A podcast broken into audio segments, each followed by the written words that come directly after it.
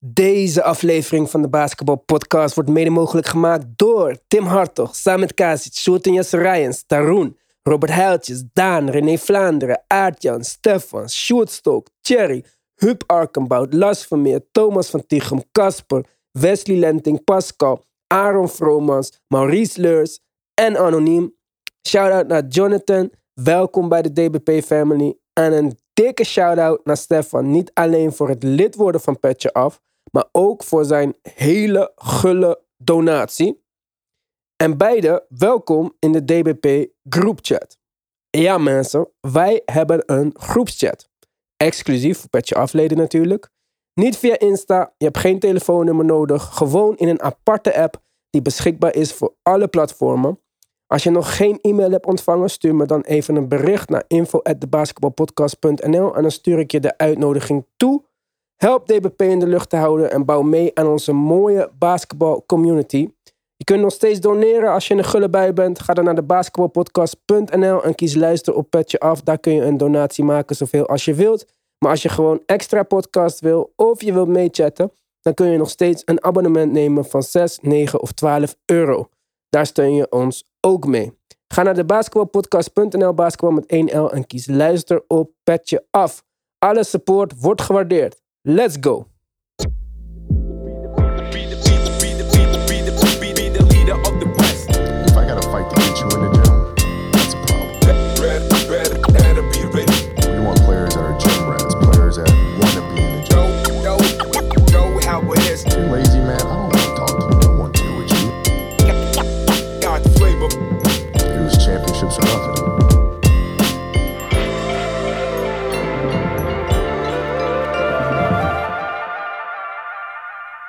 Jaar na jaar wint een big man met 10 plus rebounds en 2 blocks de Defensive Player of the Year Award. Tot grote frustratie van onder andere mij. En niet omdat ik anti-statistieken ben, maar de regular season is wel een stat-verzameld toernooi aan het worden. En dat is best jammer, want in de playoffs staat het echte basketbal. En worden spelers als Gobert naar de perimeter getrokken, weg van de basket, en een stuk minder nuttig. Je ziet het zelfs bij Jokic, die een prima verdedigend seizoen had, maar nu plekken moet gaan verdedigen waar hij gewoon niet voor gemaakt is. En de enige reden waarom dit niet bij Embiid gebeurt, is omdat de Sixers vaak een zone defense spelen en de Raptors niet goed genoeg kunnen schieten of de bal kunnen moven om dit op te lossen. En ik weet dat het Defensive Player of the Year is en niet de meest waardevolle verdediger, maar dat is wel hoe ik het bekijk. Marcus Smart, die elke switch kan maken, die je full court kan oppikken tot aan verdedigen in de post, dat is een echte waardevolle verdediger. Die als hart en ziel van zijn team de Celtics naar de number one defense in de NBA heeft geleid. En die het in de playoffs nog steeds brengt. En ook al is hij pas de eerste guard die de prijs wint sinds Gary Payton, ik ben positief gestemd over de toekomst. Over het verdedigend talent van de niet-centers. Ik hoop dat we meer lockdown D gaan zien van Mikael Bridges, Gary Payton II, Matisse Tybal, Herb Jones, Ben Simmons en Kawhi. Maar voor nu hebben we een verdiende winnaar van de Defensive Player of the Year Award. Namens iedereen van de Basketball Podcast, gefeliciteerd Marcus Smart. Guys, een terechte Defensive Player of the Year? Meer dan verdiend. Wat mij betreft eindelijk eh, erkenning voor een eh, guard voor de Defensive Player of the Year. De veelzijdigheid van de perimeter defense die eh, Marcus Smart wat mij betreft etaleert. En eh, waarin hij het toonbeeld is van nou ja, hoe je dat eh, op hoog niveau, namelijk als emotioneel leider van misschien wel de beste defense in de NBA, eh, een heel seizoen en nu ook weer in de playoffs eh etaleert. Ja, de beste Boston verdediger sinds KG. Beste Boston verdediger sinds KG. Maar Boston was als team ook heel goed. Ik heb straks een mooie stat over Jason Tatum. Maar denken jullie niet ook dat dit een beetje een award was voor de Celtics? Dat ze deze verdedigende prijs als team hebben gewonnen. En dan inderdaad, zeg maar, het boegbeeld van deze verdediging hebben verkozen tot Defensive Player of the Year. Ik denk dat dat wel een rol heeft gespeeld, ja. Als je zag hoe, eh, hoeveel indruk zij hebben gewekt eigenlijk in het, in het tweede seizoen zelf met hun eh, verdediging. Dan eh, zie je dat de foto's gaan zoeken naar een manier om die ehm, nou ja, erkenning te geven. En dat, dan kom je al, al gauw uit, denk ik, bij Marcus Smart, die toch al jaren bekend staat als een van de betere, zo niet de beste verdedigers op zijn team. Dus eh, ik, ik snap die uitverkiezing wel, ja. En terecht dus, zijn we het over eens. Absoluut. Yes. Mikael Bridges? Had een goede tweede geweest, had ik ook helemaal geen problemen mee gehad. Oké. Ja. Nou, Acht seizoenen geduurd voor Marcus Smart. Dus eh, ik denk, Michael Bridges moet zijn tijd wachten. ja, zeker. En daarom, eh, kijk, wij zijn geen Kobe Bryant die mensen kunnen challengen om iets te bereiken, zeg maar. Maar al die namen die ik net noemde, die moeten er voor gewoon volgend jaar voor gaan. Want ook Gary Payton II maakt kans op zo'n award. Mhm. Dus ik vind dat heel erg leuk. En ik ben enthousiast dat het een speler is geworden die meer doet dan alleen blokken en rebounden. Niet dat dat niet telt, dat bedoel ik helemaal niet. Maar er is gewoon meer aan basketbal dan statistieken. En dat is wel hoe de laatste tijd die awards werden verdeeld, zeg maar. Dus, ik ben tevreden. Jongens, gaan we verder. Wij wachten gewoon met deze podcast, omdat wij denken Game of the Week, Boston Celtics, Brooklyn Nets, die kunnen we niet missen. Normaal nemen we op woensdag op, komt het donderdag uit. Nu zitten we hier donderdag in de zon. Tim zijn vrouw boos gemaakt, Mark zijn vriendin verdrietig. En dan krijg je zo'n wedstrijd voorgeschoteld. Ten eerste, ik weet niet wat de scheidsrechters van plan waren, maar die begonnen deze wedstrijd te terroriseren eigenlijk. Gewoon, ze hebben hem kapot gefloten. En daarbovenop, KD, hallo. Volgens mij is de definitie van insanity hetzelfde. Opnieuw, opnieuw en opnieuw proberen, terwijl je geen ander resultaat krijgt. Nou, dat is precies wat hij deed. En dat is nog los van zijn overdribbelen, zijn turnovers. Het was echt voor mij niet om aan te zien. Ik had echt mazzel dat we in de groepschat waren en dat er nog andere mensen wakker maar waren. Want dit, was gewoon niks. Geen balmovement, statische offense. En dan zie je toch bij KD, en ook hoe goed KD ook is, hij lijkt gewoon lost in deze series. Hij, ik zie hem niet gefocust. Hij lijkt moe, maar hoe kan hij per se heel moe zijn? Dat, dat zie ik normaal nooit bij hem. En dit is wel een hele andere KD dan die Warriors playoffs KD. Ja? Is lekker spelen, hè? Als eh Stef gedoubleteamd wordt en iemand moet Clay verdedigen. Ja, dan heb je de vrijheid om te koeken hoe je wil. Maar als je gedoubleteamd wordt door Horford en Jason Tatum... en je denkt nog steeds, eh, ik moet schieten... ja, dan wordt het wel een beetje lastiger. Ik ben super teleurgesteld. Ja, snap ik. Ik denk eh, de Nets-fans met jou ook wel. Want eh, ik had eigenlijk, we hebben het voorafgaand aan deze wedstrijd nog contact over gehad. Toen, toen zei ik nog tegen je, nou, als er een moment is waarop ik een KD-comeback verwacht en weer een, een hele hoge productieve game, dan, eh, dan was dit het. Want dat, daar heeft KD vaker een handje van. Eh, en dat is wat de superster wat mij betreft ook een soort van definieert. Eh, maar hij lag, gewoon, ja, hij lag gewoon weg aan de ketting. En wat ik inderdaad teleurstellend vond, was eh, zijn vermogen om gedurende de wedstrijd, als je zag dat het gewoon geen succes had, op, op zoek te gaan naar zijn teamgenoten inderdaad. Die bal Ja. te laten gaan en dan maar als playmaker fungeren. Eh, maar dat deed hij totaal niet. Kyrie kwam te weinig in het spel voor. En, Was eh, ook niet goed trouwens. Het is Nee. niet dat, dat we Kyrie de bal niet gaven terwijl hij eh 5 uit 5 was of zo. Hij was Nee. ook niet zo goed. Nee, maar Kyrie heeft natuurlijk wel eh, het vermogen om, eh, zelfs als hij drie kwarten misschien matig speelt, het vierde kwart opeens eh, eh, hot te raken. Dat hebben we in game one een soort van gezien, toen hij natuurlijk ook in de slotfase echt, echt heel goed was. Eh, en eh, ja, dat, dat, dat heeft ze denk ik eh, wel de wedstrijd gekost. En dat gaat ze ook de series kosten. Ik denk dat ze echt wel wat meer eh, als team moeten gaan functioneren nu eh, om, om nog een kans te maken in deze serie. Ja, 17 punten hadden de Nets in totaal in het vierde kwart. Keer het keer op ze- hetzelfde recept. ISO onzin. Kevin Durant 0 uit 5. En in de hele wedstrijd 16 assists voor de Nets, 27 voor de Celtics. 0,0 ball movement. Horford had vijf fouten. Waarom zoek je hem niet op? Waarom drijf je niet naar de basket? Waarom forceer je hem niet eerder naar de kant te gaan? Hij kon daar gewoon spelen tot bijna het einde. En op het einde, toen het er echt niet meer toe deed, moveden ze de bal en had Bruce Brown een open drie-pointer. Want die speelde ook voor spek en bonen het hele vierde kwart. Ja, dat begint ook meer en meer problematisch te worden. Ik dacht op een gegeven moment eh, in een gedeelte van de wedstrijd, goh, Bruce Brown doet het eigenlijk best wel goed. En later teruggekeken en, en, en screenshots voorbij zien komen, ook waarin blijkt van ja, eh, het feit dat ze zijn schot niet respecteren of niet voldoende respecteren, Ja. en rightfully zo, zorgt ervoor dat er inside geen, enkel, eh, geen, enkel, ehm, eh, geen enkele ruimte is. En dat is voor KD en zijn actie problematisch. Maar ja, uiteindelijk voor het team ook. Want Bruce Brown, hoe goed hij het ook doet, is niet de schutter die in de hoek staat en eh, een heel hoog volume eh, Maar toch, hij, kan die, hij schiet er misschien 2-3, maar die kan die raak schieten tegen 38, 40 procent. Ik vind dat genoeg. Maar ja, als je hem die bal niet geeft, het is niet eens dat ze zijn schot niet respecteren. Ze weten dat die bal niet wordt gepaast. Nee, inderdaad, het is één van beide. En het zorgt er in ieder geval wel voor dat voor hun, dat voor Boston, eh, de inside eh, makkelijk te maken is. En dat ze inderdaad alle acties die gemaakt worden, bijvoorbeeld vanuit KD, makkelijk kunnen dubbelteamen. Want ze Ja. hebben weinig ruimte goed te maken. Seth Curry begon zogenaamd geblesseerd. Ik dacht ook nog even in het begin, ja, dan moet je hem niet spelen ook. Schiet 5 uit 7. Dragic was hot. Het hele team was gewoon prima voor de rest. En ik zeg niet dat ze dat, ze dat hadden moeten winnen dan met de rest van het team. Maar het was gewoon die, die beslissingen. En in het vierde kwart, je denkt niet even Steve Nash time-out? Laten we even een out-of-bounds play bedenken. Iets om gewoon een punt op het bord te zetten. Ik, ja, ik zat me te irriteren. In de eerste wedstrijd, kijk, ik ben geen fan van de Nets. Ik ben geen fan van de Celtics. Maar in de eerste wedstrijd met Kyrie zo dacht ik prachtig dit om te zien. Dan, dan voel ik de Nets een beetje meer. Maar gisteravond dacht ik lekker. Ik wil dat de Celtics ze kapot maken nu. Ja, het, heeft, eh, het, he- het begint succes eh, te krijgen. De, de, de, de aanpak die de Celtics hanteren. En dat hadden we met z'n allen niet verwacht. Ik eh, had van tevoren ook het idee dat ofwel KD ofwel Kyrie, het liefst om de beurt natuurlijk, een wedstrijd zouden kunnen hebben waarin ze aanvallend gewoon te dominant waren. En nu zie je een soort van recept waarin het ploeg, de rest van de ploeg eigenlijk best oké doet. En gewoon doet wat je van ze mag Ja. verwachten. En de supersterren niet. Precies. Ja, en dan KD nog na de wedstrijd.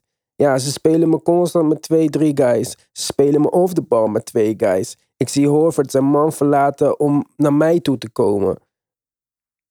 Oké, dus als je dit door hebt, paas die fucking bal. Dit redeneert mij aan...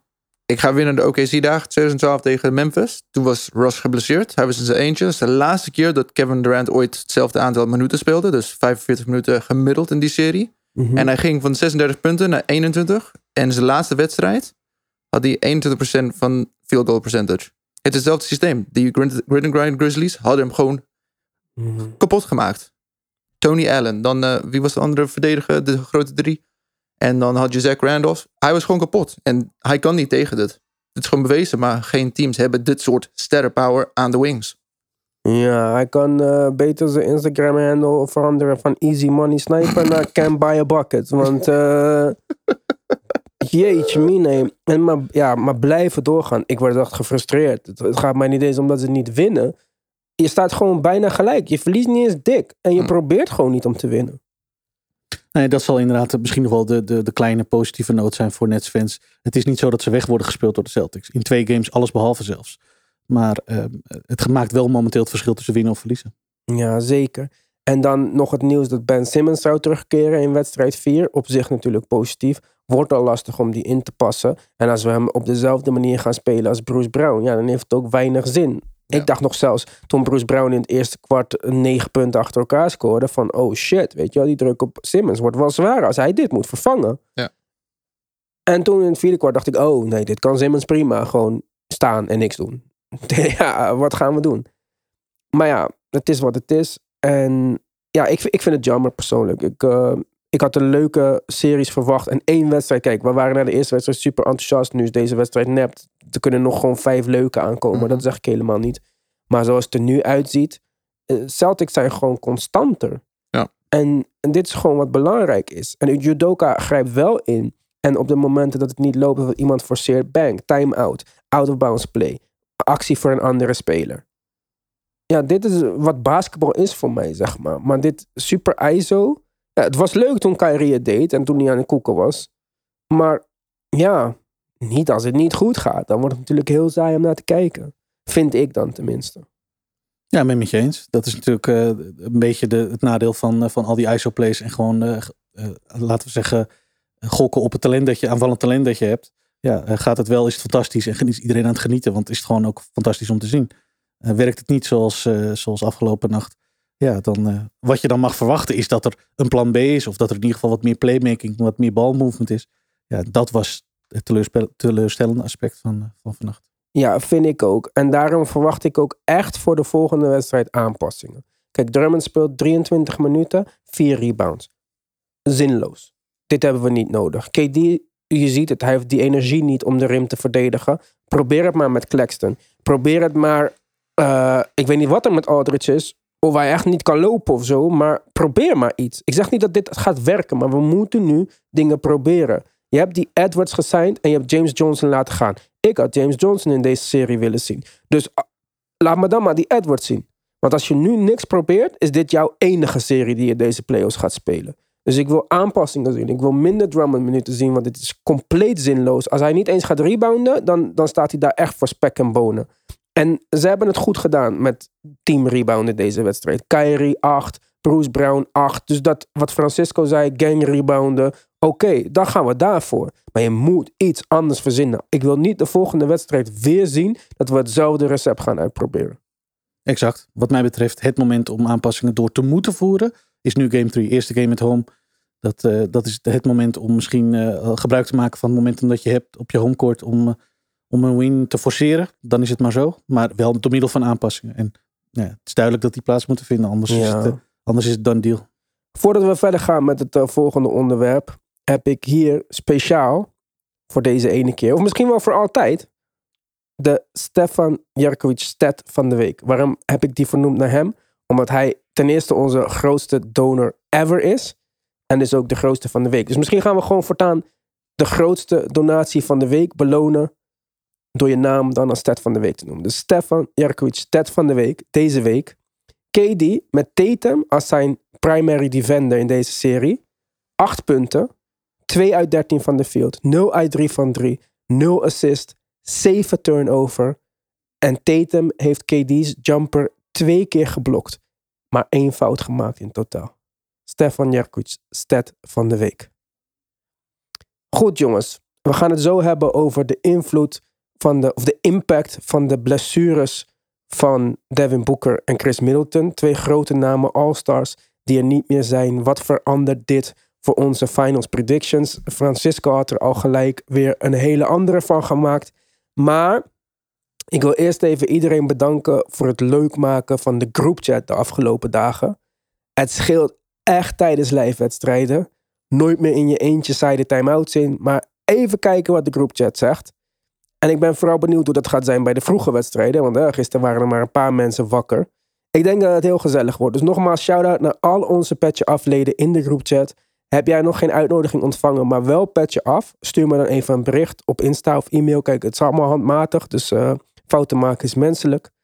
Als je ook wilt meepraten in onze exclusieve DBP Family Chat groep, word dan snel lid van Petje Af. Dan ontvang je een e-mail met hoe en wat en waar je de app kunt vinden en zo. Dus, ga verder met, eh, met de blessure. Devin Booker, hamstring. Chris Middleton, kruisband. Allebei verrekt. Geen tijd op te zetten. Allebei in afwachting van MRI-scans. Maar dat eh, klinkt niet goed. Nee, vooral Middleton wat mij betreft eh, is, is erg tricky. En is, neigt eerder naar een lange afwezigheid dan een korte. Bij Boeker eh, lijken de signalen, voor zover je mag mee, van, kan spreken van meevallen, mee te vallen. Eh, de series wordt misschien moeilijk, maar de playoffs eh, is, zijn, nog, zijn nog haalbaar voor hem. Eh, ja, dat gaat een, grote impact hebben om, eh, op niet alleen de teams, maar ook de, de uitkomst van eh, deze playoffs überhaupt. Maar je zegt, de playoffs zijn nog haalbaar. Maar laten we dan even bij het begin beginnen. Eh, de Suns verliezen de laatste wedstrijd. En misschien zijn de playoffs nog haalbaar. Maar gaan de Suns deze serie winnen zonder Boeker? Ja, Zelfs zonder dat Boeker uit was, out ging, was Brandon Ingram aan het reizen in deze wedstrijd. Hè? Absoluut. De Pelicans eh, vallen mij alles, alles mee. Ik eh, vind dat ze het vele malen beter doen dan eh, misschien iedereen wel had verwacht. Eh, wat mij betreft zijn de Suns, ik vind het moeilijk om, om heel hard te voorspellen, maar wat mij betreft zijn de Suns het aan hun stand verplicht om deze serie wel tot een goed einde te brengen. Het is veel moeilijker geworden. Ik verwacht ook geen korte serie meer. Nee. Je hoorde hier heel vaak een 4-0, 4-1. Dat, dat, die vlieger gaat natuurlijk überhaupt niet meer op. Ik denk dat dit wel een lange serie gaat worden. Ja. Ja, Boeker nu out, terug naar New Orleans, twee wedstrijden thuis. Ingram voelt het, CJ voelt het. Hè? We krijgen Zion nog een paar keer te zien met een dunk voor de wedstrijd. Stadion wordt gek. New Orleans houdt wel van een feestje bouwen. Dus eh, ja, Ja, dit ik- wordt ik- ineens een hele leuke serie hoor. ja, maar daarom zeg ik van, ik weet niet eens hoe zeker dit zal zijn. En daarom gaan we het zo meteen ook hebben wat de impact is op de finals. Waar wij, in ieder geval jij en ik, Tim, in eerste instantie dus de Suns hadden als kandidaat uit het westen. En waar Mark dan de Warriors had. Die Francisco overigens nu ook getipt heeft als de Western Conference Finals kandidaat. Wel slim van Francisco dat hij even de eerste ronde afwacht. En Ja. kijken wie eruit valt hier en daar. Om zijn officiële voorspellingen te doen en zo. Maar goed, misschien krijgt hij uiteindelijk gelijk. Eh, Chris Middleton bij de Bucks. Nog een All-Star, kruisband, verrekt. Tenminste, dat is de diagnose voor nu. Nog in afwachting van de MRI-scan. Kijk, een verrekte kruisband kan je alsnog zes weken kosten. Ja. Dus dit is misschien wel de van tevoren duidelijkere afwezige. En ook daar ben ik dan heel benieuwd wat er gaat gebeuren. Niet eens voor de rest van de playoffs. Van ja, eh, gaan we die titel verdedigen, maar gaan we door deze serie komen? Kijk, de Roze moest gisteren weet ik wat hoeveel punten scoren om de Bulls überhaupt een kans te geven. Dus dat ze van de Bulls kunnen winnen zonder Middleton, dat geloof ik makkelijker dan dat de Suns nu van de Pelicans kunnen winnen zonder Booker de hele serie. Ja. Maar zonder Middleton de finals winnen, of misschien zelfs de finals halen, Ja. dat wordt al een stuk trickier. Hoeveel kan Giannis nog extra op zijn schouders nemen? En wie komen ze tegen in de volgende ronde? Waarschijnlijk Boston. Team perfect Oeh. geschikt om Giannis te stoppen. Ja. Robert Williams is waarschijnlijk terug. Grant Williams is er. Jalen Brown. ja. Het, het is niet, het is misschien het ergste moment.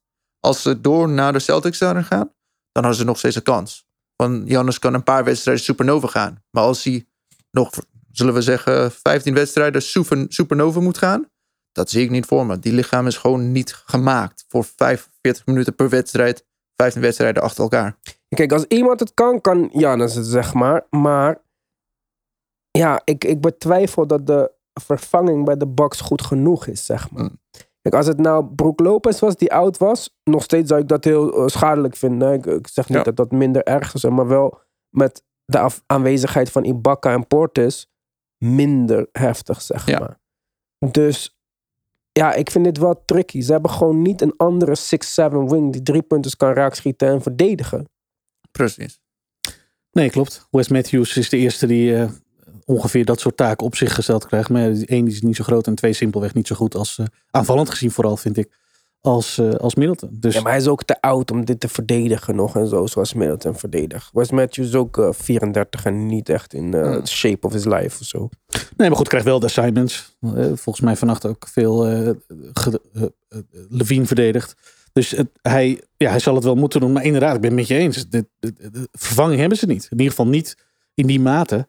En eh, ja, het volgende punt is wat mij betreft ook helder. Ze- Het kan, had niet slechter gekund dan dat je Boston uitgerekend tegenkomt in de volgende ronde. Ja, echt weer een hele grote verrassing, guys. We hebben eerst al gewoon de Clippers die de playoffs verlaten. Eh, dan krijg je gewoon de gedoodverfde favoriet, de Phoenix Suns, die hun ja, misschien toch wel echt beste speler, we hebben hem zelfs benoemd als beste shooting guard in de NBA, even verliest. En zo zie je maar weer, kan het er opeens heel anders uitzien. Daarom is wedden op sport nooit een goed idee. Daar kan ik over meepraten, want ik heb natuurlijk een 20 euro staan op eh, de Raptors, die hun beste speler, Rookie of the Year, Scotty Barnes, eh, verloren hebben. Maar ja, ik denk dat men dit, niet veel mensen hadden dit zien aankomen, denk ik. En dit geeft voor mij de Warriors weer een uitstekende kans als zij deze in een vier game sweepen. Een beetje uitrusten om die Western Conference Finals te winnen. Want ja, wie is nu hun grote concurrent in het Westen? Memphis, maar dat lijkt me niet de grootste issue. Ik denk dat de Warriors Memphis moeten kunnen verslaan. Ja, Zoals het er nu uitziet, absoluut. Ja, en over Memphis gesproken. Memphis heeft nu thuis gespeeld natuurlijk. Mhm. Grizzlies hebben een 16, 26 en 15 away record. Twee road games verloren van de Timberwolves. Dus thuis bij de Timberwolves spelen is niet hun favoriete wedstrijd.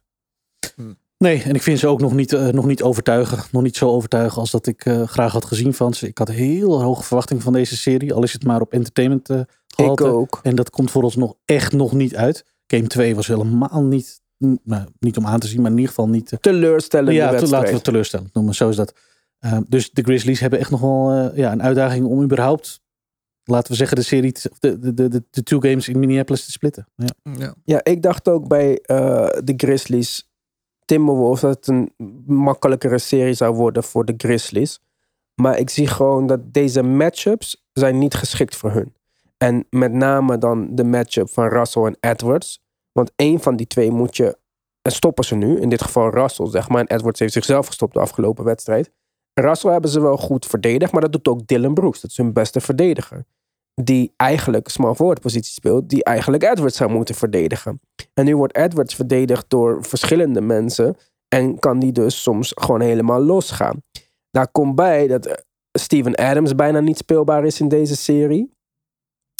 Wat het weer moeilijk maakt, want wie gaat Cat verdedigen? Jaren Jackson Jr. stond hoog op de Defensive Player of the Year ladders. Maar dat kwam met name door zijn bloks. Volgens mij had hij de weer 7 zelfs of zo in de vorige wedstrijd. Ja. Maar één op één verdedigen en vooral tegen een speler als Cat die Veza basketbal speelt, is toch een stuk lastiger. Daar komt ook nog bij dat Jaren Jackson nog een klein beetje problemen heeft met fouls maken.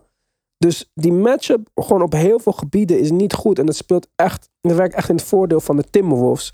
Dus dat is wel interessant. Maar goed, om weer even terug te komen op onze misschien finals predictions aanpassingen.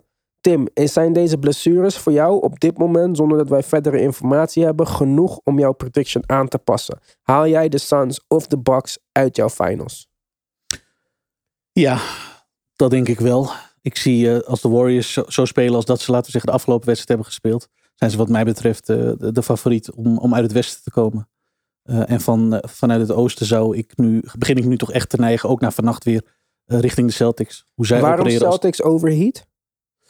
Omdat ik vind dat de aanvallende schotkracht die de Celtics in huis hebben, met laten we zeggen voornamelijk Tatum en Brown, hoewel ik Brown nog, nog niet echt vind meevallen, die prefereer ik boven de, de aanval van de Heat. Ik vind de, de defense van de Heat inderdaad zwaar indrukwekkend.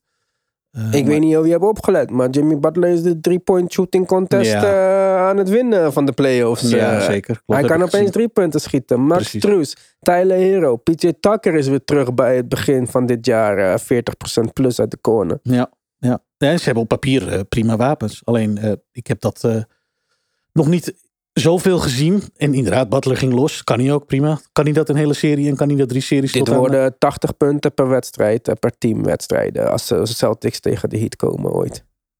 Ja, wat mij betreft fantastisch. Ik, ik kan daar enorm van genieten. Maar ik vind gewoon de Celtics zoals ze nu spelen. Uh, ik moet wel zeggen, het voorbeeld van de Heat zien we nu in een serie tegen de Hawks. En dat is volgens mij een serie die ze sowieso goed doet. Doet er niet toe. Precies. Ja. Dus eh, het is misschien moeilijk om ze op de juiste waarde te schatten. Voor de Celtics is het natuurlijk zo dat ze een uitermate competitive series hebben nu. Dus je ziet ze ook meteen op hun, eh, op hun maximale, misschien wel bijna maximale niveau. Mm -hmm. uh, maar ik, begin, ja, ik neig nu naar Celtics uh, uit het oosten en, en dus Warriors in het westen. Oké, okay, want de volgende ronde speelt Miami naar alle waarschijnlijkheid tegen Philadelphia natuurlijk. Ja. Die echt gisteren, denk ik, de laatste moed en hoop die de Raptors hadden gekild hebben. Ja. ja. Maar uh, Boston speelt tegen Milwaukee. Zelfs zonder Middleton lijkt me dat een moeilijke opgave. Speelt dat niet mee in jouw voorspelling? Jawel, absoluut. Alleen als ik zie wat ze in deze serie tegen de Nets ook al doen, waarin ze natuurlijk ook al wel, wel eh, maximaal worden uitgedaagd. Ja, dit, het team is blijkbaar in staat om daar naar te handelen. En hmm. uh, ja, ik, het zou kunnen dat de de road naar de finals voor de Heat nu gunstiger is. Met deze, bijvoorbeeld deze eerste ronde. Uh, alleen ik zie, het, ik, ik zie het voordeel van een competitive series in de eerste ronde die de, die de Celtics nu hebben. Uh, als in een soort van ritme komen. In een soort van, uh, laten we zeggen, mentale staat komen. Van, nou ja, er is, de standaard is next level.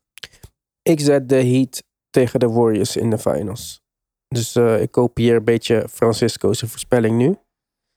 Mark, jij blijft bij jouw voorspelling van Celtics Warriors? Ja, Celtics zullen de Heat plat maken. Maak me geen zorgen.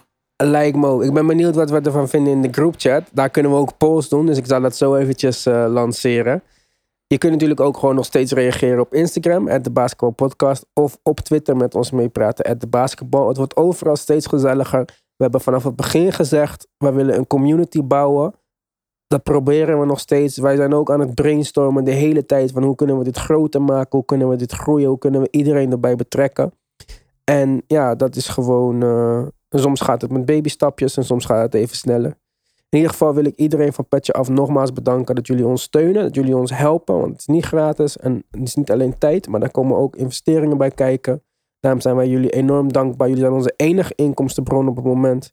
We wachten nog steeds op sponsors. We praten, maar eh, het gaat niet zo makkelijk. We kunnen geen doelgroep aanbieden van 1 miljoen mensen of zo. Het gaat om een kleine groep mensen die geïnteresseerd zijn in die sport die wij zo mooi vinden. Daarom willen wij die kleine groep mensen in ieder geval dan bij elkaar brengen en houden.